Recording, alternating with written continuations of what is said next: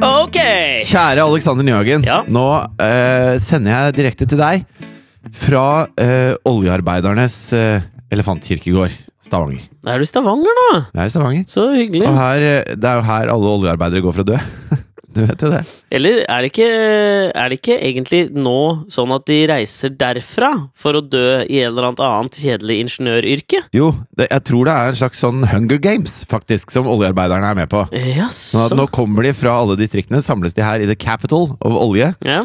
Men the capital sliter. Jeg har akkurat sett Hun- Hunger Games, skjønner du. Å ja. Eh, the capital sliter. Hva syns du om Katniss Everdeen, eller hva han nå heter? Nei, jeg må si at jeg syns film eh, to var kanskje den beste av de fire filmene. Eh, Du tenker på How to Kill a Mockingbird? Det er vel toeren, er det ikke det? det det syns jeg var morsomt. Eh, ja. Oi, Det er Mockingjay, tror jeg de filmene heter. Men jeg skjønte hva du mente.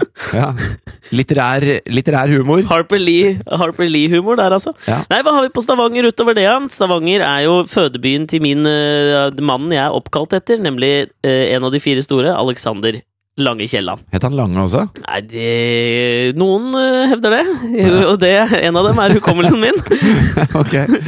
Men eh, hva- eh, refererte det til noe på han? Nei, jeg tror det var et navn, liksom. Det var ikke, Ja. det var ikke en attributt at han var Det var ikke han med den lange Kielland? Nei, men jeg tror Alexander Kielland var en rimelig høy fyr. Han var jo også borgermester i Stavanger på et tidspunkt. Det fins en flott statue av han midt på torget der ute i havna. Utrolig. Ja, det er ganske utrolig. Ja. Få en kjapp oppdatering da fra sist uke på hvordan det går med Alt for Norge.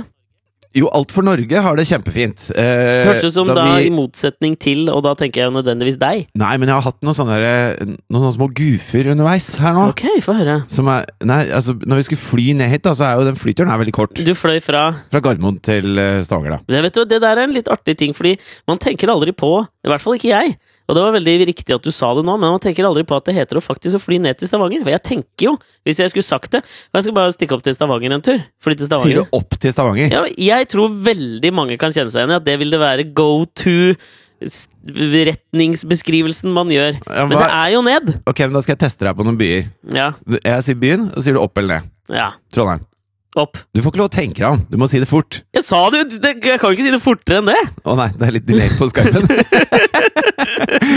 Ok. Bergen. Opp, Røros. opp, Fredrikstad. ned. Bergen. Opp. Nei, Ok. i hvert fall. Ned til Stavanger, da. Ja. Eh, jeg møtte forresten Gaute Grøtta Grav på flyplassen. Hva? s- Du, ok. Men hva- eh, som vi møtte, som vi interagerte òg, eller? Ja, han kom bort på vei opp til den derre SAS-loungen, som han sikkert har sånn fuckings gullkort på, fordi han har flydd så mye rundt og turnert med knekkebrødlåta si. Ja, Og så eh, var det en sånn anstrengt liten passiar fra min side. ok. Han kom eh, bort, da. Jeg satt der sammen med en lydmann som du kjenner godt, som heter S- Også kjent som Fitteprinsen. Nei, det er veldig lenge siden, da. Jo, jo, men han var da kjent som det. Ja, ja. Men eh, så kommer Gaute bort, og så sier han hallo. eh, hva hva skal dere nå? Men altså, ja, fordi dere er jo Dere er dus, liksom. Vi har jo møtt hverandre noen ganger, Ja. eh, men jeg tror han vet at jeg hater han. Eh, Jaså. men jeg tror han driter i det. Ok? Så han kom i hvert Men fall altså, bort, tror du og så ikke, sa tror du vi ikke liksom sånn Det blir jo litt s- at du blir du blir en dråpe i det hatske havet han bader i til daglig. Jo, jo, det tror jeg Så godt. at han, at han må gi litt faen i det, på en måte. Ja, ja, så i hvert fall eh, vi snakker sammen i kanskje et halvt minutt før han går videre opp i den loungen hvor det sikkert er gratis wienerbrød. Ok. Mens jeg sitter nede med folket. Men, men hva, hva, hva, hva prater dere om da, liksom? da? Nei, det var sånn Hva, hva skal dere på nå? Fordi man, eh, i og med at han vet jo at jeg er lydmann, så skjønte han at vi var på vei ut på opptak. Ja. Og så sa jeg nei, nå er det alt for Norge. Å ja, så gøy. Ja, Eh, og så spurte jeg ikke du da. Det var mitt lille stikk til han. ja, ja bra. Veldig Fordi hardt. alle det. vet jo hva han driver med. Han driver og, og vedlikeholder websiden sin gaute.com, Og eh, appen. samtidig som han Samtidig som han er programleder for eh, Farmen, da. Kjendisfarmen er det vel nå? Jeg veit ikke. Ja, det er Kjendisfarmen Ja. nå. Vet du hva jeg hørte, eller? Nei. Jeg hørte at Otto Robsam fikk tilbudt 800 000 kroner hvis han klarte å komme seg til semifinalen i Kjendisfarmen. Og så bare lo han høyt i telefonen og la på. Nei, du kødder, eller? Nei! 800 000! Men, men ok, han, f- ha- Otto Robsam, altså Sinnasnekkeren, Ja. fikk tilbud altså, Fordi det, det som er ofte med TV-programmer som er sånt hvor kjendiser er med i et slags reality-program, så får man penger for å bli med. Det er vel, det er vel ingen hemmelighet nå, er det det? Nei, fordi det, det kom jo av den enkle grunnen at ellers hadde ingen kjendiser blitt med. Jo! De hadde jo det. Jo, Noen! Men ikke Ja, men det er de som lever av å være kjendis. Nei, men de hadde ikke det heller, fordi at de hadde ikke fått noe Jo, penger men for det. Tror du Staysman og eller Lass hadde blitt med på Firestjerners middag uten å få betaling? Ja, det tror jeg. Sannsynligvis. Men dette, er- og det er jo litt interessant, for du og jeg har jo én eh, crossing path når det kommer til reality-TV, og det er Firestjerners middag, har vi begge vært med i. Ja. Og da, dette har vi faktisk aldri prata om før. Hvor mye penger fikk du for å være med på Firestjerners middag? Jeg fikk 80. Det gjorde du faen ikke, ass! Jo, jeg gjorde det. Nei! Nei! Jo, Nei, det så gjorde fikk jeg 20 i bonus hvis jeg vant. Nei, dette her, jeg veit at du kødder! Nei, men det er sant. Nei, øh, sverg på, ba, det- på Jonathans liv at det er riktig. Det er løgn. Ja, ok, hva fikk du? Eh, nei, hva fikk jeg? Det står vel i den kontrakten at vi ikke har lov å si det, men hei. Jeg fikk helt sikkert det samme som deg, Ja, men Alexander. si nå hva du fikk, da! Ja, Si det du, da, så kan du være kontraktsbryter først. Skal vi telle til tre, og så sier vi det samtidig? Ok. En, En, to, To, tre, tre, 40 femti. Nei!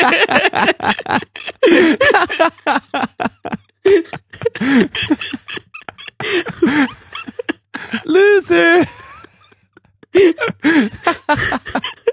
Yes, Hva skal jeg bruke de 10 000 ekstra på? Jeg lurer på om du bør dryppe litt på klokkeren der, altså. ja. så ja. Nei, men ok. Ok, tilbake til Gaute. Mm, Men jeg, jeg Eh. anerkjenner at du er jo verdt mer enn meg sånn.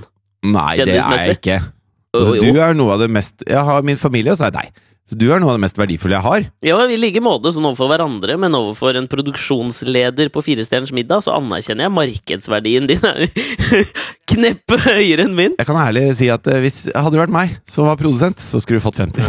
Tusen hjertelig takk, det betyr mye for meg. Ok, Men så er jo poenget da at eh, jo større eh, realityshowet er, jo mer penger får man jo Ja, det er litt eh, sånn. når man er med. ikke sant? Kanskje jeg skal bli med neste år, etter at jeg har vært eh, programleder for eh, Alt for Norge? Og så Altså, bli med på Kjendisfarmen? Nei, å nei, nå trodde jeg du snakket om eh, Nei, det har jeg ikke lyst til. Nei, ok. Tenk deg å ha eh, Gaute som en slags eh, veiviser og sjef. da. Det må være helt forferdelig. Ja. Altså, når jeg sa ha det til han, da, Ja. og han gikk opp eh, til den, så sa jeg eh, til så sa jeg, For et rasshøl! ja, skummelt, fordi du vet ikke om han liksom er utenfor eh, høreavstand, men Nei, det veit jeg ikke. Men jeg gikk ut fra at Sindre var enig med meg. ok. Og så sa Sindre ja, vet du hva, fy faen, jeg skal aldri jobbe på Farmen igjen. Du kan, kan du fortelle det? Jeg vet ikke. ja, ja. Eh, kan jeg det egentlig? Kanskje, fra nå, vi kan blipe ut eh, hvem jeg satt sammen med, da. Vi har jo ikke lyst til å ødelegge noens Nei, han lydkarriere. jobber jo som lydmann, Ja, ja, liksom. ja.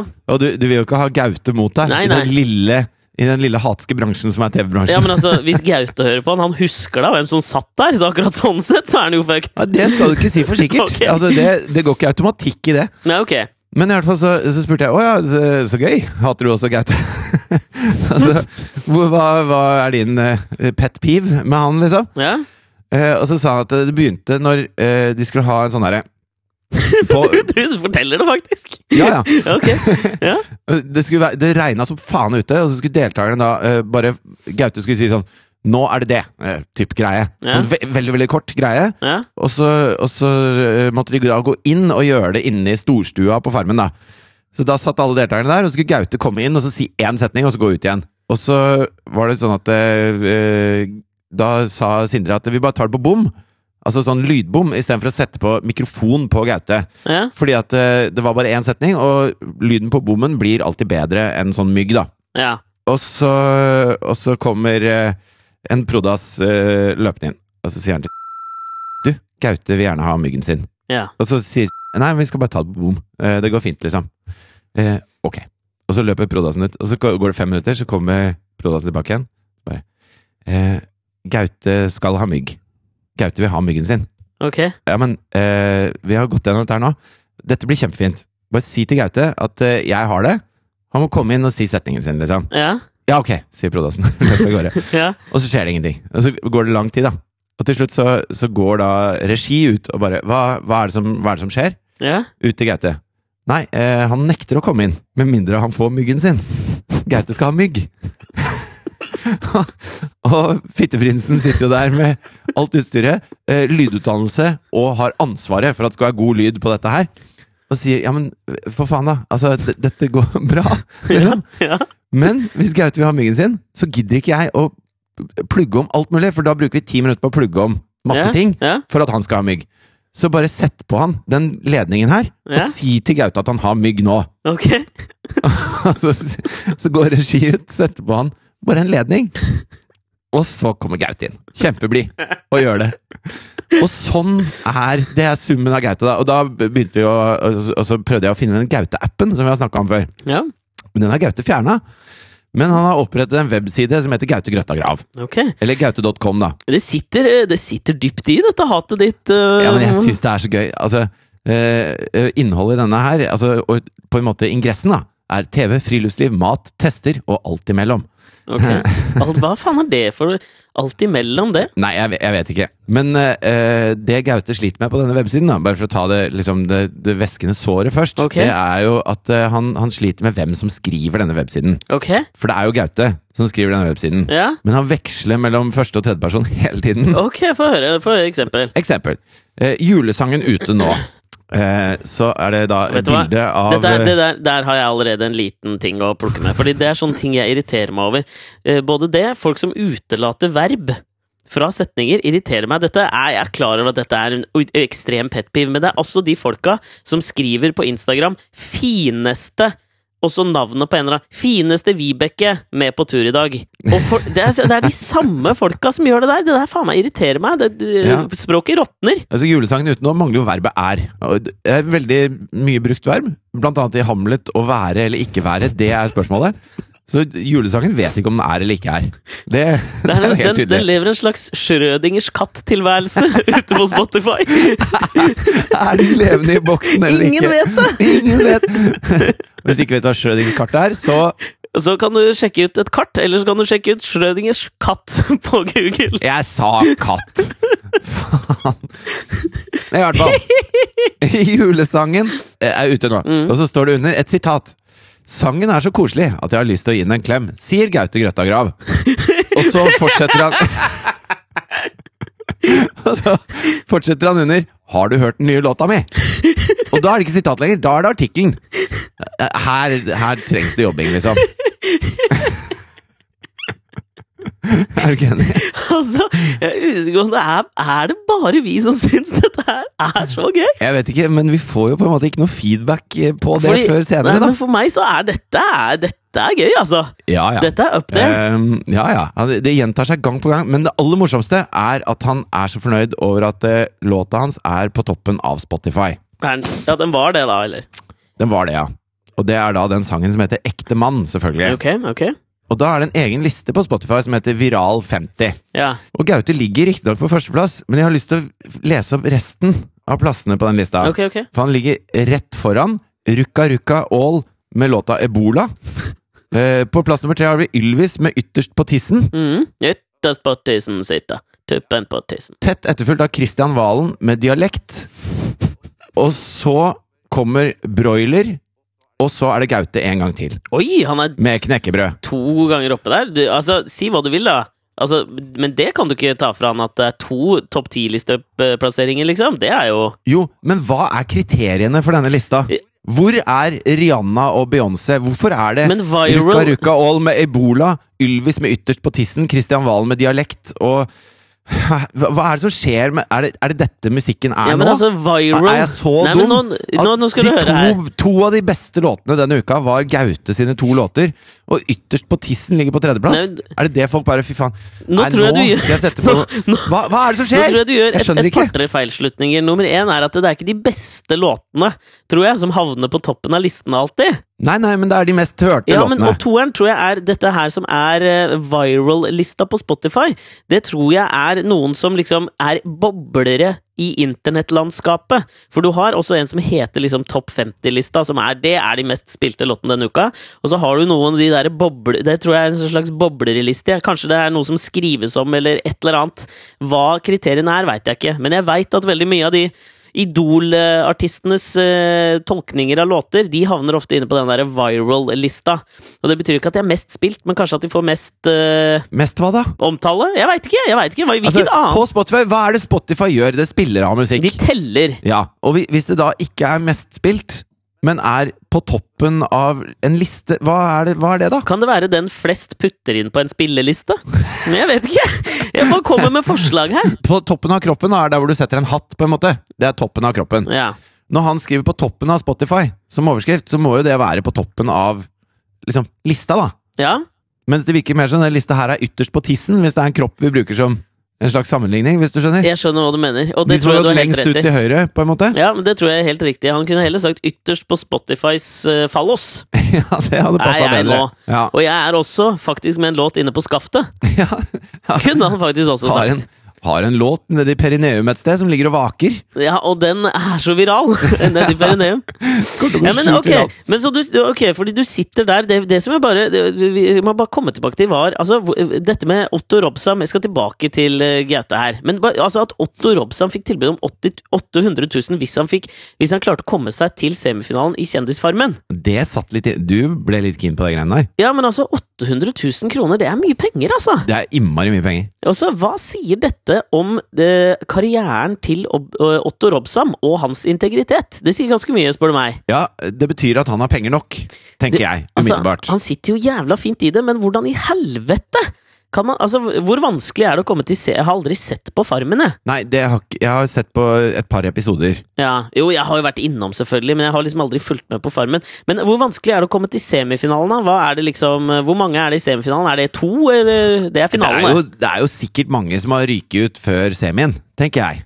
Mhm. Altså, Det er det jo i alle typer konkurranser. Men hvis du setter deg, hvis du setter deg inn i produksjonsselskapet sitt sted, da, Ja. så vil jo jeg anta at det føles ganske trygt å tilby Otto Robsam 800 000 for å komme til semifinalen, for de er rimelig sikre på at hans eh, konfronterende aura ikke kommer til å lede han noe særlig vei i et spill som Farmen. Det kan jo også hende at de har en, en kynisk tilnærming til dette. da. At de vet at ok, vi har en utfordring her Ja? som vi kan styre litt. Ja. Så vi tar med Otto Robsam. Sier du, får, du får 10 000 kroner, men hvis du kommer til semien, får du 800. ja, Og så luker vi den ut i den konkurransen som vi styrer, ja. sånn at vi har med Otto Robsam en stund. ja så at han ryker rett før semien, liksom. Ja, ja. Han ryker i programmet før semien. Ja. Det, det vet de, liksom. Ja. Eh, ja, er det noen som heter Otto her? ja.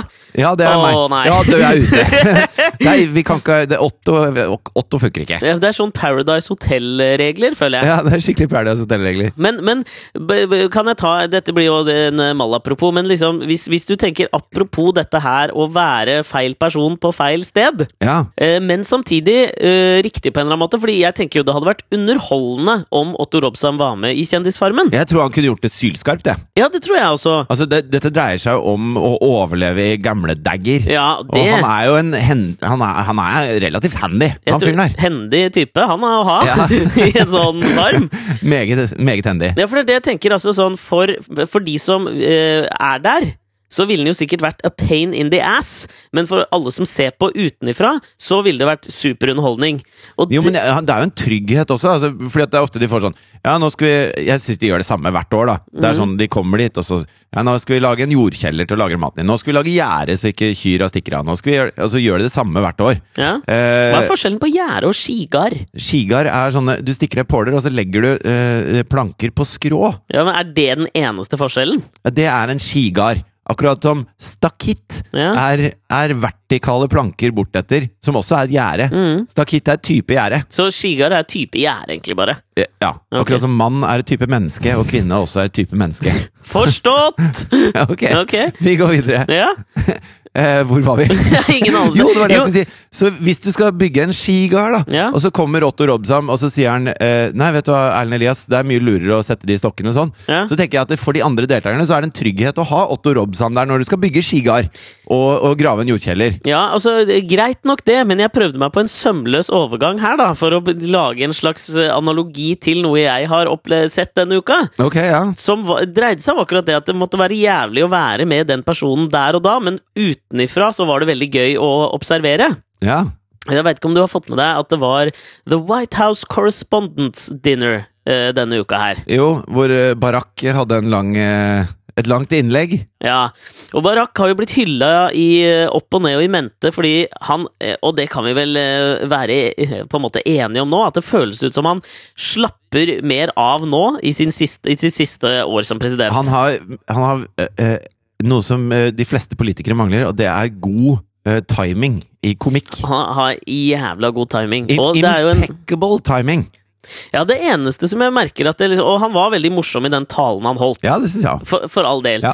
Men nå syns jeg at eh, liksom det derre mic drop-øyeblikket, altså at du slipper slipper mikken sånn ned når du er ferdig, at den har litt utspilt sin rolle nå. Fordi det var jo siste kampen til, Så du siste kampen til Kobe Bryant på LA Lakers òg? Så blir han jo intervjua rett etter kampen, og så ser du at eh, han liksom tenker over hva han skal si helt på slutten, og så sier han bare 'Mamba out', og så liksom gjør han en sånn mic drop-greie. Mamba out, er det en referanse til Han blir kalt Black Mamba, da. ah, ja. For det er jo en sånn helt sort slange som er tykk og lang.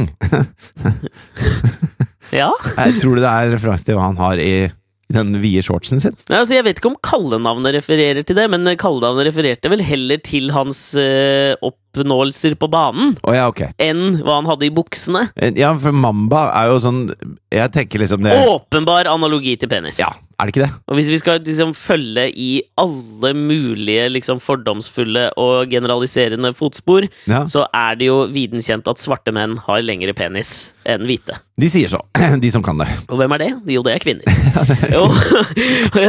jo, men altså, jeg føler at det har gått litt sånn inflasjon i at det liksom er en hipp måte å avslutte på nå. Ja. Og det bare merka irriterte meg litt. Men det var ikke det jeg skulle til, fordi Ah. Men jeg vet ikke om gjorde du har... Barack også det? Etter talen slapp han mikken. Dunk! Ja, så han gjør Obama out, og så slapp han mikken. Som en Og hyllest alle- til Mamba Out, liksom. Nei, jeg tror det her er vel mer en kjent måte å si ha det på nå. Jeg vet, ha det er kanskje teit, da. Eh, ok. Men å liksom si liksom peace out, det er liksom det nye. Og nå merker jeg at nå har det skjedd så ofte at nå, må man, eh, nå er ikke det raft lenger, syns jeg. Nei, For jeg skal bare komme med en sånn liten callback til noe jeg lærte her. eh, Fordi at Vi snakka om når Hillary Clinton satt på dette eh, showet til Hva var det for noe? Ja, det var et eh, eh, afroamerikansk radiotalkshow som morgenshow. Men i hvert fall så spurte de hva er det du alltid har med deg på tur. Eh, Ja. Det snakka vi om. Og så Ja. sier hun hot sauce, da. Ja. Det er det hun alltid har i veska. Det er løgn, ikke sant? Men nå skal jeg komme til det. ja. Fordi at eh, eh, man opplevde jo det som et frieri til the black vote, ikke sant? ja, ja. Eh, og det er jo også mye med den Formation-låta til Beyoncé, hvor hun sier I got hot sauce in my purse. Hun sier det kanskje litt kulere enn det jeg gjorde nå, men, Ja, ikke mye Det var rimelig on fleak, det der, altså. ja, men hun sier det, da. Så tenker de at ok, nå quoter Hillary Beyoncé her for å fri til den sorte stemmen, liksom. Ja, faen, det visste jeg ikke. Men så viser det seg at det, det er noen da, sånn pundits, som det heter, eh, Ok. eh, som har gravd tilbake i intervjuer med Hillary. Ja. Hvor hun da, da eh, Bill var ute og, på The Campaign Trail, Ja. så snakka Hillary om at eh, hun hadde blitt så hekta på sterkere og sterkere mat. Så hun sy eh, syntes ikke at hun fikk sterk nok mat, og var- syntes det var så gøy da med sterk mat. Så da, allerede da, for liksom 10-15 år siden, så begynte hun å snakke om at hun gikk med tabascosaus i veska. Og nå hadde hun da, eh, mot slutten av Bill sitt eh, kandidatur, så hun oppgradert det til den derre kruttsterke som bare heter hot sauce. Så Hillary går rundt med hot sauce i veska, Hva faen? og det har hun gjort i 20 år, liksom. Sj, Ok, da, da må vi jo bare beklage, tenker jo jeg, da. Ja, og da mener jeg som eh, ansvarlig presseinstitusjon, altså Ja. Alex og Fritjofs podkast, Ja. som vil komme med et dementi. Ja, Og ja. vi må si at eh, det, det var ikke med vilje å tolke Hillary feil der. Du har hot sauce in your purse, Ja. Hillary. Eh, Og da eh, Ja, det, jeg mener det adderer noe til Hillarys personlighet, det, altså. For hvis du fremt hører dette er det sant. Mm. intervjuet også, så når hun sier hot sauce, da, så reagerer jo hele salen. Og Hillary blir da den Hvor, hvor gammel er hun nå? Nesten 70? Ja, Hun blir 69. da den nesten litt sånn bestemoraktige hvite damen som, som ikke helt skjønner hvorfor hele salen reagerer. Ja, nei, det er sant, det. Fordi, altså, og intervjuerne reagerer og virker som om de ikke tror på henne. Ja, ja. Men det, ikke sant, da har vi lært noe. Ikke nødvendigvis har svarte menn lengre penis enn hvite. Og ø, ø, gamle hvite kvinner kan gå med hot sauce i veska. Ja, Han samme intervjueren hadde jo eh, besøk av en som heter Birdman. En rapper som heter Birdman. Ja, ja. eh, u uka etterpå. ja. Og han har ledd så fælt at eh, Birdman heter Birdman, da. For han syns ikke Birdman er noe tøft navn. Altså Fuglemannen. Altså, det, er, det, er ikke sånn, ra- det er ikke noe gangster over det, da. Jeg veit ikke. Har du sett ø, Alfred Hitchcock-filmen, eller? Fuglene. Rimelig skremmende greier, ass. Jo, men det er ikke gangbar mynt på gata i Brooklyn. Bare or en måker, det er så skummelt. For husker du Alfred Hitchcock på 60-tallet da han lagde den filmen? Altså, det er ikke Nei, for så så vidt gangster. sant. Du må innrømme det. Nei, jeg er for så vidt enig. Så kommer da Tarjei Vesaas har vel aldri heller vært gangbar mynt i referanseverden for gangsterrappere. Ikke så veldig. Nei. Men så kommer da Birdman inn og skal intervjues på Breakfast Club. Som det er programmet til han fyren jeg ikke husker hva Breakfast heter, Club heter. heter det, ja. Og da er Birdman i utgangspunktet da fly forbanna. Ok. Og, og må, før intervjuet starter, idet han setter seg ned i stolen, Ja. så høres det da sånn her ut. Nigga, when my name come up, respect it. Let's go. Stop playing with my fucking name. I'll drill y'all. Stop playing with my name. I ain't gonna say it no more. Tell him, tell him, get it off your chest, Birdman. I wanted to come look you in your face like a man and tell you how I feel. Okay. You understand me? Straight up like a man. When y'all saying my name, put some respect on it. Did you did you pull up on Ross that way or Trick Daddy? Man, I'm pulling up on you, nigga. Put some respect on it. Put some respect on my name. Ja, put some respect on my name. Put some respect on it. Og det er jo da eh, Det syns folk var veldig gøy, da. At nå heter det ikke respect lenger. Det heter respect. Jeg syns det høres ganske raft ut, ass. Jeg, Ja, s- men, men, det som er gøy, da, er at da eksploderte jo internett. Og her er siste bidrag i Put some respect on it. Ok. I want you to put it out. Put some respect on it. Listen, when you say my name, put some respect on it. I ain't playing with y'all. Oh, Put some respect on it. And I ain't gonna say it. And I ain't gonna say it no more. Listen. Det er da man må elske internett! Når det bare Birdman kommer inn kjempeforbanna. Put some respect on my name! Og så går det bare 20 minutter, så er det en barbershop-kvartett som sitter der. Put some respect on it! Det var jævla fint òg, da. Ja, det er jævla fint, dette! Men altså, jeg, det, det du skal gi til eh, rappere, da, som han sier sjøl der også, er at eh, han ville møte opp eh, face to face, nigga, Ja. for å si det til han. Say to face like a man, nigga. Som en ekte mann, akkurat som Gaute Grøtta Grav. Ja. Og det jeg mener at jeg, så, jeg satt og så på eh, Dette er noen måneder siden, men han eh, Adam Tens, Tenstad, han eh, svenske rapperen, stilte jo opp på eh, God morgen Norge på svensk TV4. Ja. eh, For å promotere sin nye skive da, som hadde kommet ut da, jeg tror det var i februar eller mars eller noe sånt i år. Og så setter han seg ned, liksom, og alt eh, i talkshow-sammenheng nå Dette bør jo kanskje ikke komme som noen overraskelse til folk, men alt er planlagt i forveien. ikke sant? Du har et pre-intervju hvor du liksom planlegger alt de skal spørre om, og du veit omtrent hva han skal svare. Sånn at det liksom alt er planlagt i det Adam Tenstad Jeg tror det er sånn man sier det, jeg er usikker, altså. Kommer jeg sikkert til å få mye hat på meg Ja. for å si dette feil. Adam Tenstad, Tenstad Ja, uansett, da. Setter seg ned, da. Og de, du ser jo at det er jo ikke sant, I sånne, som, eh, altså sånne morgensettinger på TV så er jo Hygge er jo Det er ledestjernen. Det skal være koselig, ikke sant? Det skal være jævla koselig. Men det han gjør, da, er at han liksom eh, avbryter dem liksom før de får stilt første spørsmål. Og sier at eh, du, jeg veit jeg beklager. Jeg beklager overfor dere, jeg beklager overfor redaktøren deres og de som har gjort dette forrige intervjuet med meg, men grunnen til at jeg kommer hit, er ikke for å prate om skiva mi, og nå må dere bare holde kjeft og høre på det jeg har å si. Og så eh, leverer han en eh, par minutters lang harang som dreier seg om at eh, TV4s morgenshow for eh, noen uker siden da, hadde invitert inn en sånn yout- en ung YouTube-stjerne, en sånn svensk ung YouTube-stjerne, som hadde lagt, eh, lagt ut en video hvor hun var jævlig rasistisk og brukte noen eh, særdeles ubehagelige ord for å beskrive folk med annen hudfarge, osv., osv. Ja. Eh, og så har de ikke beklaget dette, da. TV4. Og det mente han at de måtte. Så det han gjør, da, er at han liksom Han Så sier de, dette sier, men de måtte beklage at de hadde invitert henne inn, eller at hun sa de tingene? At de hadde liksom gitt henne taletid, da, ettersom de burde visst at dette var en dame som hadde holdninger som ikke var forenlige med det svenske samfunnet, da, eller hva faen han mente, liksom. Ok, ja. Øh, og han liksom sier dette her, og de, du ser jo at de programlederne du, du, Altså, de, de altså, Si hva du vil, da, men de havner i en vanskelig skvis, liksom. Og den mannlige programlederen prøver liksom å avbryte og si ok, men jeg, jeg vil gjerne liksom svare deg. Men han sier jo, han Adam Tensa sier også liksom sånn Ok, det er jo ikke deres feil, jeg vil, men jeg må få sagt dette. Men bare, bare før vi går videre der, fordi at Mm. det- hvis, de har, hvis hun er en tydelig rasistisk eh, dame, da, Ja. og de har invitert henne inn på det morgenshowet, så må det jo være en, en grunn til det. Altså, da må de, ha konfronter- de må ha gjort et eller annet med henne som gjør at det er en grunn til at de inviterte henne inn. Ja, det var jo YouTube-stjernekarrieren hennes, og de nevnte jo ikke dette her med at hun hadde lagt ut den ene videoen som var ganske rasistisk. Tror du kanskje de ikke visste det, eller visste alle det? Ja, det er jeg usikker på, men uansett da, så mener jo han at enten så burde dere visst det, eller så burde dere beklaget det i etterkant hvis dere fant det ut etterpå. Ja. Og, eh, og jeg må si at det krever litt baller òg, for det han gjør, da, er jo at etter at han har liksom fått sagt det han vil si, ja. så bare reiser han seg opp i studio og går. Å ja. Det er en slags mic, mic drop, mamba out. Det er litt Mamba out over det, og det er litt Birdman over det han gjør der, liksom. Ja, ja. Put some respect on it. Det er litt put some respect on it, syns jeg, da. Ja. Og det er jo altså sånn, si hva du vil, de burde kanskje fått lov å svare, men uansett, jeg syns det er litt sånn, det er, krever litt baller. Ja. Og apropos da, å kreve baller, dit jeg var på vei, det var The White House Correspondence Dinner. ja, det var det, ja. Og Obamas sin tale har jo fått jævla mye oppmerksomhet. Ja, Men hvert år så inviterer jo de inn en komiker som skal eh, opp på scenen helt til slutt i middagen og være artig og litt frekk og sånn, ikke sant? Men kan jeg bare få si en ting som jeg har tenkt litt på i forbindelse med eh, Obama sin eh, nyvunne eh, komiske karriere? Ja. Eh, Fordi at han, han er jo nå en fyr som, som kan kødde med folk. Og det er ikke noe vi har vært vant til å se presidenter gjøre tidligere. Nei, og, og, og kanskje viktigere, som kan køddes med. Ja, For det, jeg tenker sånn det, Presidenter før har jo kødda ut, men det har ve- vært veldig høy terskel for å kødde inn. jo, men de har aldri, Skjønner du hva jeg de har mener? aldri liksom eh, fortalt vitser på den måten. Altså kjørt et lite standup-show, som jeg føler at Obama har begynt å gjøre i det siste. Aldri sett før. Og, og hvis Trump er liksom et resultat av at folk er lei av politikere, sånn at de vil ha noe mer eh, ekte folk eller vanlig eh, Trump er jo på ingen måte ekte eller vanlig, Nei. men han er ikke politiker, da. Hvis de vil ha noe som er ikke-politisk. Ja, men han gir et skinn av det, da, i hvert fall. Og, og 'tell it like it is'.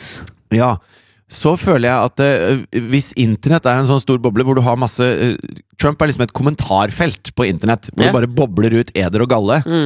Mens eh, Barack Obama serverer en annen del av noe som er ikke-politikeraktig. Når han er liksom den morsomme og den, eh, den eh, som liksom kan, kan komme med de der små eh, poengene som, som sitter skikkelig, og som du sitter og humrer av. Så det, Obama blir på en måte den videoen som Trump er kommentarfeltet til Ja, jeg skjønner hva du på mener. YouTube, ikke sant? Ja, ja. Obama er innhold, mens Trump er bare sånn eder og galle.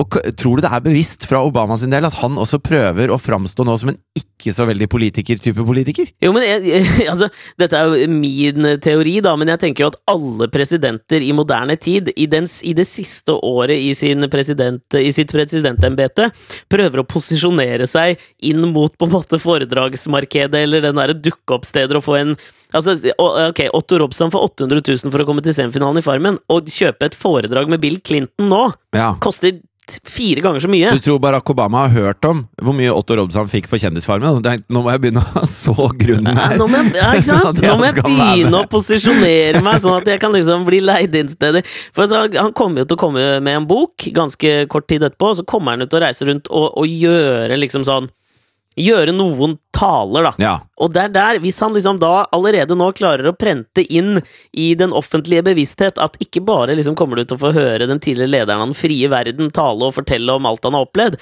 han er også jævla morsom! ja. så tror jeg det upper hans hyre med i hvert fall kanskje 500 000 dollar. Jeg tror han kommer til å komme med et sånt foredrag som Al Gore, som, som er en, hvor foredraget blir en film. Sånn som det der, eh, Ja, ja. Al Gore hadde jo, nå husker jeg ikke hva det het, men det var om eh, climate change. Ja, Eh, som var en, en ganske god sånn dokumentaraktig film slash foredrag av Al Gore. ja. Noe sånt kommer Barack til å komme med, som er, som er morsomt og tydelig. og alt mulig sånt. An inconvenient truth het den vel den til eh, Ja, det stemmer. ja. Men det jeg savner med politikere, er jo ikke nødvendigvis at de får folk til å le hele tiden. Jeg, jeg, jeg så, så en video med, med Putin, og man kan Mhm. si mye om Putin. Jeg er ikke så blodfan av alt han gjør. Nei, for men å si han det får meg jo mildt. da vi- vitterlig til å le, men altså ikke bevisst, da. Nei, men han har også noen kvaliteter som jeg skulle ønske politikere hadde mer av. Ok. Og det er den derre eh, litt sånn kompromissløse holdningen til det som er sånn tydelig feil, da. Det var en sånn derre svær fabrikk som skulle legges ned i en by i, eh, i Russland. Ok. Og så kom Diffus Putin dit, og historie da- allerede, usikker på om jeg tror på han. Nei, men dette er helt sant. Ok. Jeg, kan, jeg kan vise deg en video på YouTube. ok, da er det sant. Da er det sånn. Ja. Men så kommer han til den byen, og så er det masse eh, rike mennesker som eier denne fabrikken, og de har flytta produksjonen til et annet land, for det er billigere, ikke sant? Ok, Og så kommer Putin inn, og så sier han dette er ikke greit. Og nå har jeg med et, eh, et papir her, som alle dere skal underskrive på, på at fabrikken blir værende her.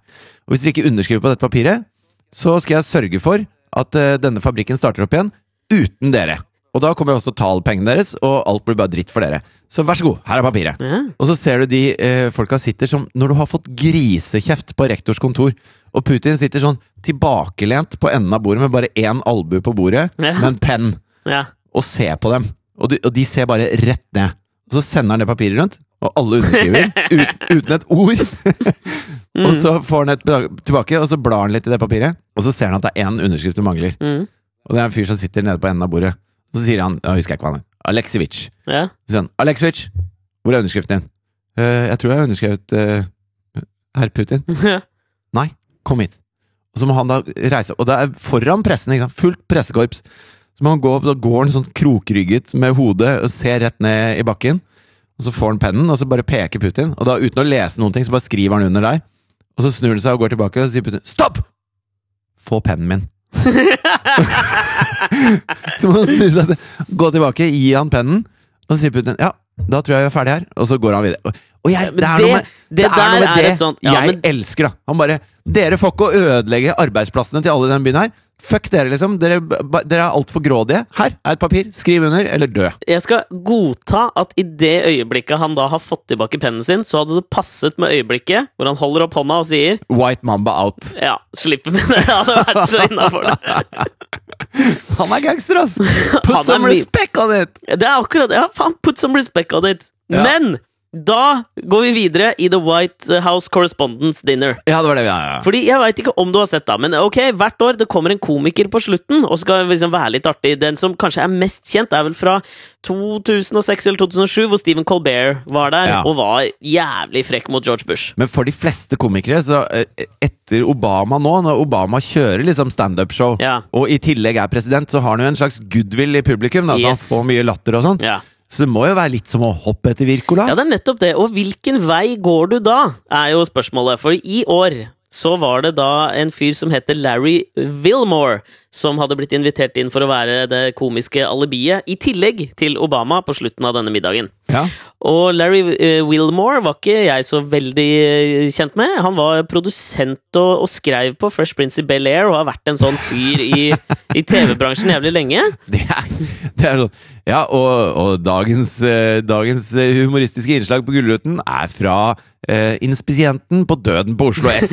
altså, det er jo en gammel referanse, da. Jo, nei, men jeg bare tenkte liksom, Der starta han karrieren sin, så, og det var jo en av vil jeg påstå, tidenes mest vellykkede sitcoms. liksom, og Så har han laget masse annet. Ja. Vært standup-komiker, og nå har han fått et eget show på Comedy Central som heter The Nightly Show, med Larry Wilmore. Ja. Eh, og, han, og det er jævlig bra. Det er et litt sånn John Oliver, John Stewart-aktig program. Ja. Et eh, humorprogram som tuller med nyheter. Og han, er- jeg syns han er jævlig morsom. Ja. Men, men ikke sant? P- eh, problemet der er jo, som jeg tenker at sikkert han og de som har skrevet hans da 23 minutter lange standup-rutine til denne middagen har tenkt, er jeg skal hoppe etter Obama. Han kommer til å være morsom. Han har hele crowden med seg. Hva faen gjør vi? ja. Pluss at Obama har sikkert tatt noen av poengene hans underveis. Han har jo sikkert ikke fått lese hva Obama skal si. Helt sikkert Sånn ikke. for å passe på at de ikke skal si det samme. Nei, ikke sant? Og så er det jo da Da må du jo liksom tenke Hva gjør jeg for å få oppmerksomhet? Ikke sant? For det, du vil jo det. På et, eller annet, på et eller annet nivå så vil du ha oppmerksomhet. Og så tenker jo jeg også at hvis du vil gjøre jobben din ordentlig der, Ja. som komiker så, altså sånn, Du har ikke gjort jobben din ordentlig hvis du blir invitert tilbake året etter. Hva- Du må jo være Nei, du skal, ganske hard. Ja, for du, det skal være kontroversielt, det du kommer med. Jeg har jo en parallell til dette her. Altså, eh, I min fars tredje bryllup Ja. eh, så, Ja, ja. så var det en, en, en eh, Ja, for de tre første bryllupene jeg var i, som sagt, var min fars. ja, ja. Så var det en sånn re- Og da begynte vi å bli en del barn, da. Sånn halv og hel og alt mulig sånn. ja. Eh, og da var det en sånn regel at eh, vi skulle, eh, taler i det bryllupet skulle skje etter alder. Altså de yngste av barna skulle eh, komme først. Ok. Og vi var da ni barn, hvorav jeg er eldst. Ja. Og da, Jeg er ikke sånn som liker å skrive en tale ordrett. Jeg har et stikkord. ikke sant? Ja. Så jeg har skrevet da et ark med stikkord som jeg hadde ved meg. Og så visste jeg da ok, nå skal bare de n- åtte andre barna holde tale først, og så er det min tur. Var et av stikkordene 'seriemonogamist'? ikke det? Nei, det var ikke det. Nei, nei, nei. Eh, det er alltid en tommelfingerregel når du holder tale i bryllup. Ikke snakk om de tidligere bryllupene. nei, nei. Fokuser på dette. Men da reiste de seg opp én etter én som sånne små barakker og Ja. tok alle poengene. Så når det ble min tur, da, så hadde jeg strøket ut absolutt alt på lista mi. Ja, ikke sant. Litt sånn tenker jeg han hadde det. Ja, men tenk, Denne komikeren. Kanskje. Men greia er at jeg måtte jo se på dette, her, så jeg så hele eh, La oss kalle det standupen, da. Til Larry Wilmore. Fy faen, så vanskelig det er å si det fort. Larry Wilmore. Eh, og eh, jeg har aldri liksom sånn hatt det så ubehagelig eh, som jeg hadde det da jeg så på det, og samtidig kost meg så mye. Men var det, Du- pin, var det pinlig? Ja, altså, det er pinlig fordi Altså, eh, f- altså la, oss, la meg bare liksom prøve å gjengi på en måte der han starter, da. Ok. Hvor han sier at uh, Yes, uh, Mr. President, uh, you've been hanging out uh, a lot with Steph Curry from the Golden State Warriors. Stephen Curry er altså en basketballspiller som nå er en av de hotteste i NBA, og det han er jævla rå på, er jo trepoengere. Ja. Og han er ikke så jævla høy. Ja. Og så sier En han slags at uh, Alan Iverson, kan du si. Eh, ja, men Allen Iverson var eh, større. Han er den nest største gjennom tidene, spør du meg, da. Steff Curry er ikke helt ennå. Ja, nå helt trodde jeg der mente ennå. større størrelse, for Alan Iverson var også veldig liten. Ja, sånn sett, ja. Ja. Det er helt riktig. Bra eh, parallell, du. Ja, takk. takk, takk. Eh, ok, skal jeg prøve meg på resten av vitsen her? Og så sier han da mm, And I can understand that, because uh, both of you like to drop uh, bombs on people from long distances. Ok, vi er der, Ikke ja. sant? Og, så, og da er det jo altså Det som gjør det veldig ille her, er jo at det er jo et, en, et enormt middagsselskap hvor alle er kjempepynta. Og droner er litt no go. Ja, og så, ikke sant Det som er så fascinerende der, er at de filmer jo alltid på de menneskene som på en måte er offer for spøkene. Har jo reaksjonsbilder. Ja. Og ikke sant, det, Obama er jo på, han sitter jo øverst, ikke sant, som i et bryllup. Så sitter jo de på den derre eh, På en- det enden av langbordet bordet. øverst, liksom. Ja. Som alle ser på. Og hans ansiktsuttrykk akkurat når den vitsen kommer, er jo at litt sånn oh, Gikk du dit, ja? Og, ikke sant? Da har du jo på en måte starta eh, på feil fot, da. Men altså må- d- eh, Det han leverer gjennom der, er altså så drøyt. Og han fortsetter jo ut fra den vitsen der, da. Og apropos droner, hvorfor er Wolf Blitzer fortsatt på TV? Still et oppfølgingsspørsmål, da, mann! Og dette er da reaksjonsbilde nummer to, hvor de panner over. Og Wolf Blitzer sitter jo selvfølgelig i salen, Ja. og han har steinansikt! Ja, uff a Ikke meg. et eneste latter. Og, og ikke sant? sånn her fortsetter han i fuckings 23 minutter! Det er noe sprette latter og litt sånn ah, oh, boo! Ja. Men han faen bare kjører på! Så det blir liksom sånn Og hvis du tenker deg en standup-rutine Han, han roaster på en måte hele gjengen der, han da. Ja, men også til de grader, sånn at det er jo Det gjør jo vondt. Men alle vitsene mener jo jeg er dritmorsomme. Ja. Han gir seg aldri! altså Han står der i 20 minutter! De siste 10 sekundene så sier han noe pent til eh, Barack Obama, liksom. Hvor han sier 'Yeah, you did it, my nigga'. Og da ser du liksom the sigh of relief Alle på alle i lettet publikum. Bare «Juhu!»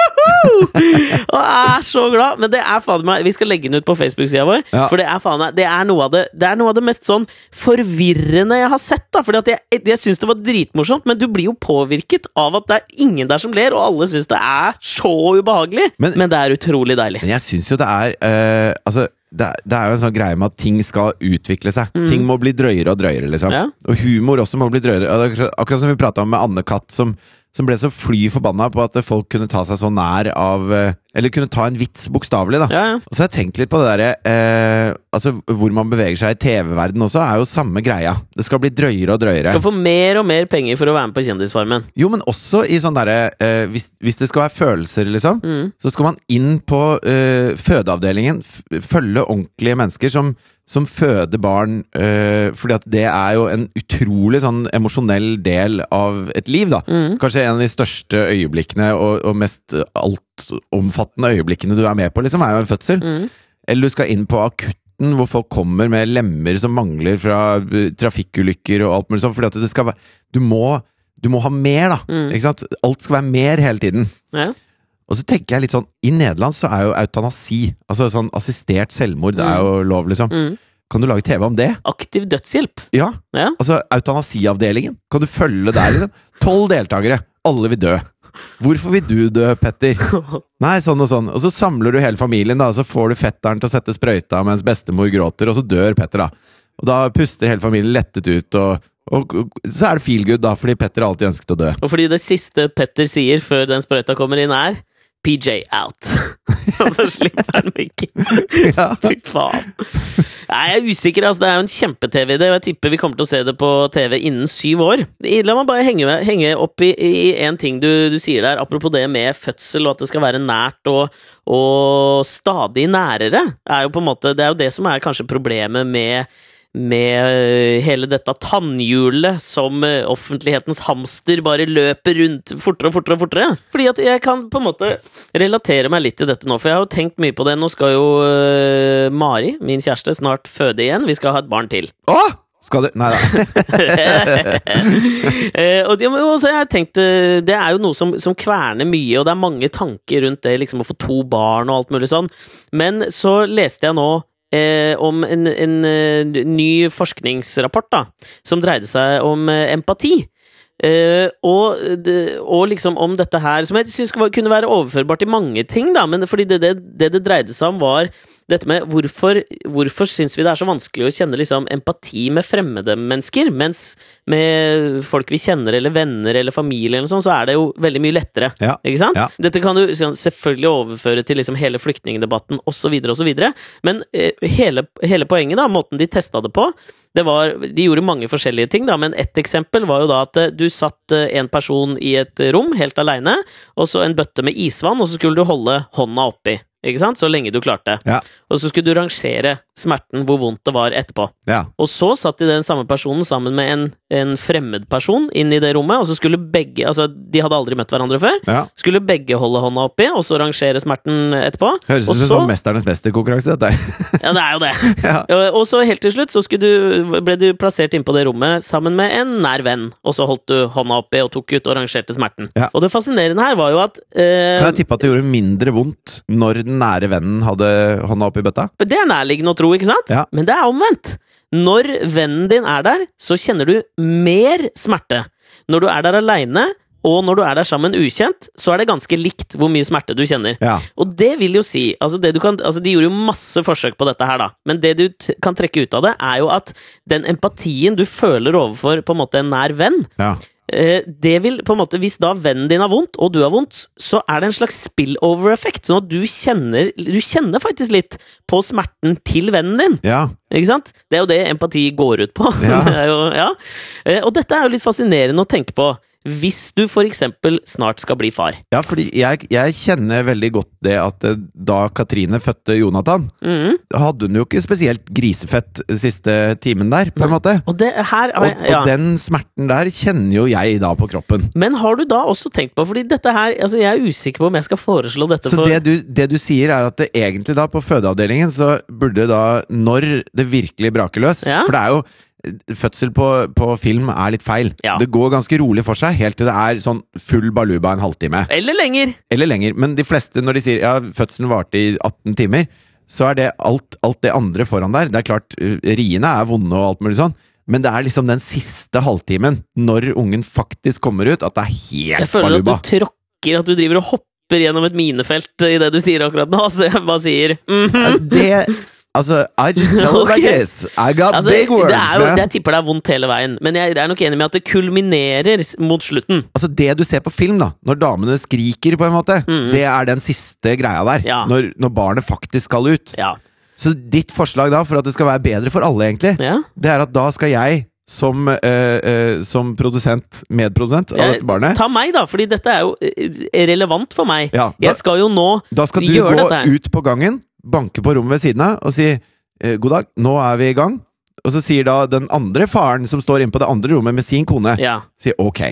Og så bytter dere plass, Ja. for da blir det bedre for alle. Ja, ja, det er det jeg driver og tenker på nå. Det kommer jo, al- jeg er jo veldig usikker på om jeg tør å foreslå dette for Mari.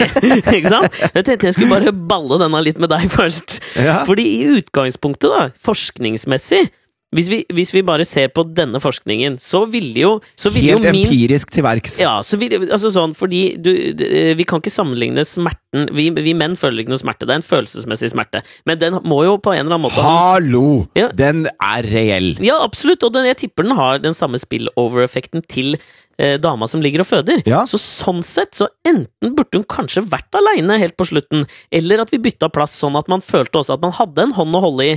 Men jeg vet ikke liksom hvor mye trygghet og liksom gjenkjennelighet er verdt sånn i smerteverdenen, men akkurat der og da så velger jeg nå å påstå at den ikke har så mye å si. Nei, jeg tror at alle hadde hatt det bedre hvis man, hvis man heller var sammen med en fremmed kvinne som fødte. Tror du ikke det? Jo, absolutt. Men altså, du går jo Det syns glipp jeg- av noe. Jeg syns du skal eh, ta og prøve det. Snakk med Mari om dette. Det, det, det syns jeg du skal. Ja, skal jeg gjøre det, da? Ja, gjør det, du. foreslå det etterpå, så skal jeg fortelle dere neste uke hvordan akkurat det for- forslaget gikk. Jeg har jo mine Kjempelurt. bange anelser på hvordan dette kommer til å gå. Kjempelurt. Takk skal du ha.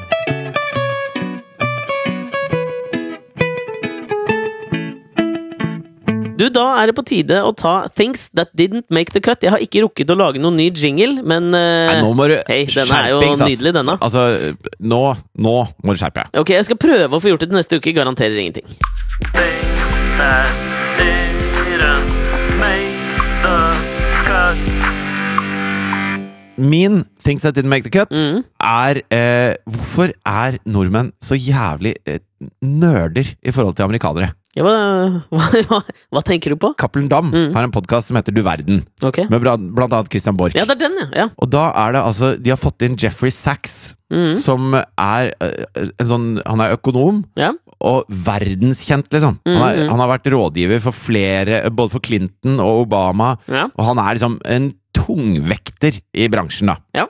Han er på besøk, og så er det en norsk økonom som også er der. Mm. Og så kommer Jeffrey Sachs, som er Han er, eh, han er det Obama er på den correspondence dinner. ikke sant? Han, er en, ver- han, han kan så mye. Han er så utrolig sånn velformulert og artikulert og, og kunnskapsrik og, og dritsmart fyr, ikke Mm. sant? Og, og han får da de to som sitter i rommet der, som er nordmenn, til å virke som sånne der eh, siklende små drittunger. ja. Og så skal da han øk norske økonomen prøve å hevde seg. ja, ok. Og her, og, det- ah, jeg, får, jeg, jeg fikk så vondt av det intervjuet. For det som skjer da, det er at han, Jeffrey Sachs snakker om land som er i en, eh, det han kaller en poverty trap. Ok. Altså en fattigdomsfelle. Ja. Hver gang han, eh, journalisten stiller et spørsmål, så sier Jeffrey Sachs at jeg er veldig uenig i premisset for det spørsmålet. Eh, fordi at du kan ikke spørre om det sånn, det er ikke det det dreier seg om. Og sånn er det hele tiden, da. Så ingenting av det nordmennene sier noen gang, blir godtatt som god fisk av Jeffrey Sachs. Og han har en kjempegod grunn til det, og jeg er alltid enig med Jeffrey Sachs. Ja. Og det er så flaut å være norsk i en sånn setting. Eh, så, så de sier da eh, eh, Åssen type nødhjelp er det som hjelper? Altså, eh, er det, er det effektivt? Mm. Og så sier han at du kan ikke si det sånn, fordi at det, for noen land så hjelper nødhjelp helt utrolig mye, og for andre så er det helt overflødig. Og grunnen til det er dette og dette og dette. Og så snakker de om disse poverty traps, som er sånn, hvis du er et land som ikke har kontakt med noe øh, havner, for eksempel, du har ikke infrastruktur, det er, øh, øh, det er ikke noen veier som binder landet sammen, du har ikke noen naturressurser som du kan bli rik på, øh, du, har, du har på en måte ingenting gående for deg i utgangspunktet da. Da trenger du starthjelp, ellers så er du i en poverty trap. Altså, du, det er umulig for det landet å bygge seg ut av det. Ja. Og så sier han norske økonomen så bare eh, I have to respectfully disagree. Eh, Respect. there is no such Respectfully. Respectfully. eh, there is no such thing as a poverty trap. Så sier han Jeffrey Sachs Oh really? Eh, can you give me an example? Ja. På et land som har klart seg ut av en poverty trap uten eh, hjelp, da. Så sier han Yes, eh, if you take for instance Botswana Botswana has no ports, it has no infrastructure, it has eh, eh, extreme poverty and eh, blah, blah, blah, blah.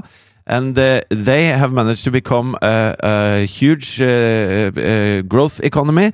And eh, some people may attribute that to the diamond finds, eh, eh, which was straight after independence, but eh, I tend to believe it's otherwise. Så sitter Jeffrey Sachs der så bare Botswana er eh, det landet i verden som har funnet mest diamanter, altså størst rikdom i diamanter per capita. Altså de, de har en større naturrikdom enn Norge har i olje. Og så begynner han å nevne tall på Norges oljerikdom per capita versus Botswanas eh, diamantrikdom per capita.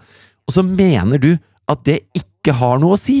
Og så, og så se, hører, du på, så hører du bare det tunge svelget fra den norske økonomen, da. Og så sier han bare Yes! Det mener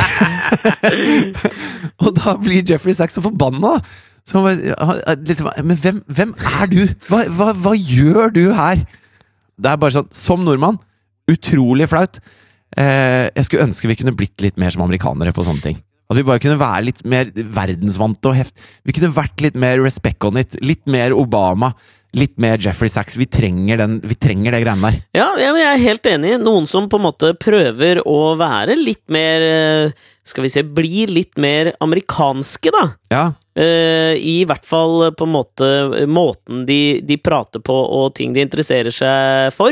Det er jo eh, to, to rappere som vi har stifta litt bekjentskap med i det siste. ja. Som heter Oral B og Pimp Lotion. ja. Vi prata om dem i en podkast for en god stund siden, og så fikk vi et tips om at eh, de hadde prata litt om oss. Prata, Eh. altså, prata litt om oss er jo tidenes underdrivelse. De spilte jo av halve vår podkast i sin podkast, for så å stoppe innimellom og, og, og egentlig le av oss. Og når jeg hørte dette her Jeg, jeg, jeg, må, Det er jo innrømme, helt forferdelig å høre på. jeg må innrømme at jeg ble litt flau. Jeg ble Ja, eh. ganske flau, klart, egentlig. det- Nei, det er touché, altså. Det er, eh, det- den, eh, den må vi bare ta. Ja, den må vi ta. Men! Men jeg har et men her. Ja, fordi eh, mi- mitt eh, lille menn, da, som er i denne Things That Didn't Make The Cut Altså, bare, jeg kan si det med en gang. Dette hører ikke hjemme i Things That- Dette kommer til å bli litt prat. Vi kommer til å prate litt om dette her nå. Ja, nei, men altså, ba- ba- poeng, det, det som jeg mener, ø, fra, fra deres side, da, for å kaste ballen over på deres banehalvdel igjen, så tenker jeg at det som er veldig lett, det er å på en måte ta tak i det noen sier om deg sjøl, og så ø, tilbakevise det. Det var det de gjorde. Ja. Det er jævla mye lettere det enn å komme på en original tanke sjøl. Så her får vi faen kaste ballen over til dem. da Nå får du høre på podkasten vår og ta oss på noe av det vi sier da om oss sjøl, eller noe vi mener. Det der mener jeg, da, da, da kan beefen her leve videre. Hvis dere klarer å levere noe sånn, og ikke bare copy-paste vår podkast, så kan jeg, da kan jeg begynne å, da skal vi begynne å snakke respect snart. For akkurat nå ikke respect. Og så har jeg en liten høne å plukke, for det, det kommer jo litt sånn fram at jeg mente at eh, eh, musikk liksom må være alvorlig for at det skal være stas. Ja, men Var det det? Var det ikke mer at det skulle ha en eller annen slags politisk undertone eller slagside? Jo, men eh, det, det var jo ikke Altså, det mener jeg jo ikke. At eh, jeg bare hører på Rage Against the Machine liksom, fordi det er politisk. Altså, Du hører på Gatas Parlament også? nei, men, nei, men det kan godt være Det kan godt være, altså, det kan godt være kjærlighets... Altså, det kan være hva som helst, men det må være en slags ektefølt formidling, da, syns jeg. Men det er Og min du hater Gaute Grøtta Grav? Ja, Fins ja. det noe mer ektefølt formidling? Ja, men Det er det jeg mener. Altså, det de sa, da, det var fordi at det, jeg, jeg mente litt sånn hardnakta at sånn som de er i låtene sine, Ja. eh, når det er litt sånn platt og teit, liksom, Braus, braus.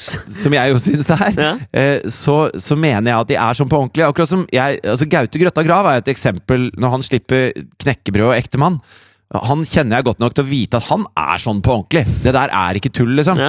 Mens når Ylvis eh, slipper Ytterst på tissen, så vet jeg at det er en tullelåt. Mm. Eh, og det de sa eh, i den podkasten sin, var jo at det, det Oral B og Pimplotion driver med, Mm. er jo også tullelåter.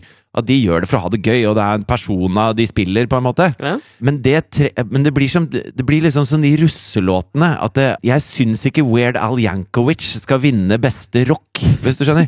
Jeg syns ikke at Ylvis skal få Spellemannspris for The Fox, fordi at de har bare de, de, de driver med komikk, ikke med musikk, på en måte. Skjønner, skjønner du forskjellen på det? Ja. ja, jeg skjønner forskjellen på det.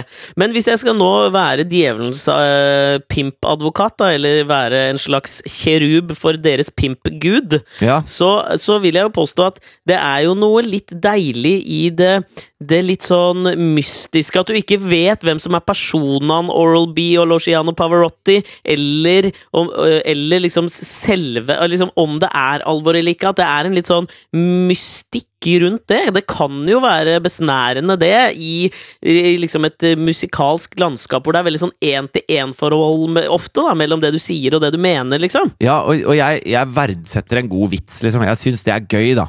Det er kanskje jeg som har et sånt håpløst romantisk forhold til musikk som, eh, som sånn, eh, noe som eh, rører noe ved meg, da. Eh, Men hvis du henger Mona Lisa ved siden av en Larsson Altså, jeg kan le godt av den Larssonen, men jeg kommer ikke tilbake og ser på den samme Larsson-tegninga om og om og om igjen. Men det kan jeg gjøre med et Vermeer-bilde. Eller Mona Lisa, da. Skjønner du hva jeg mener? Ja, ja, ja. Så du mener sånn rent kunstnerisk? Den, kvali den Nei, kunstneriske ikke noe- kvaliteten? Nei, bare at det snakker til meg på en måte som gjør at jeg kan høre det om og om og om igjen, og, og få noe ut av det hver gang, da. Ja, jeg skjønner. Ja, og og jeg, d- den ene tingen som jeg, jeg fikk eh, rett i fleisen av dem, var jo at de mente at jeg ikke turte å si til deg at jeg var fan. Ja, Og du er det- skapfan. Men, og, og det er jo hele poenget, at jeg er jo skapfan, og det er jo ikke noe flaut for å innrømme det. Ja. Og jeg går til stadighet tilbake til penger eh, av Oral B og hører på den, så for meg gir den jo litt. Men nå er, føles jo det kanskje litt sånn teit å innrømme, da, ettersom vi er i en beef. Men det, det får jeg stå for. Nei, for meg, det må du jeg, jeg stå for. klarer å ha to tanker i hodet samtidig. Ja. Men jeg mener nå at nå er ballen på Losjiano og Bogdanovic sin banehalvdel. Nå får dere uppe gamet litt, ikke bare spille av deler av podkasten vår hvor vi prater om dere, men da får dere finne noe annet. da, Være litt OGs, som dere sier. Original, med trykk på O. Original Gangsters. Og jeg har lyst til å avslutte med en låt som fikk meg til å tenke på Pimplotion og Oral B. Mm. Eh, fordi den opererer litt sånn i samme landskap, og det var når jeg var med Alt for Norge i går på et russetreff i Stavanger. Ok? Her har du På kroken. Ha det bra. Hei. Jeg har så lang stang at alle sammen blir for trang. Men om vi jobber litt, så går det hei og gang på gang. Her er på kroken, er ikke redd for om du bærer klam. Her kjører vi på med sang, og alle chicksa skriker bare. Jeg er så kåt, kåt, kåt at det renner over. Jeg er så kåt, kåt, kåt at jeg tror jeg kommer. Du er så stor, stor, stor at jeg eksploderer. Du dropper buksa, og jeg liker det som du serverer. Jeg står og hvisker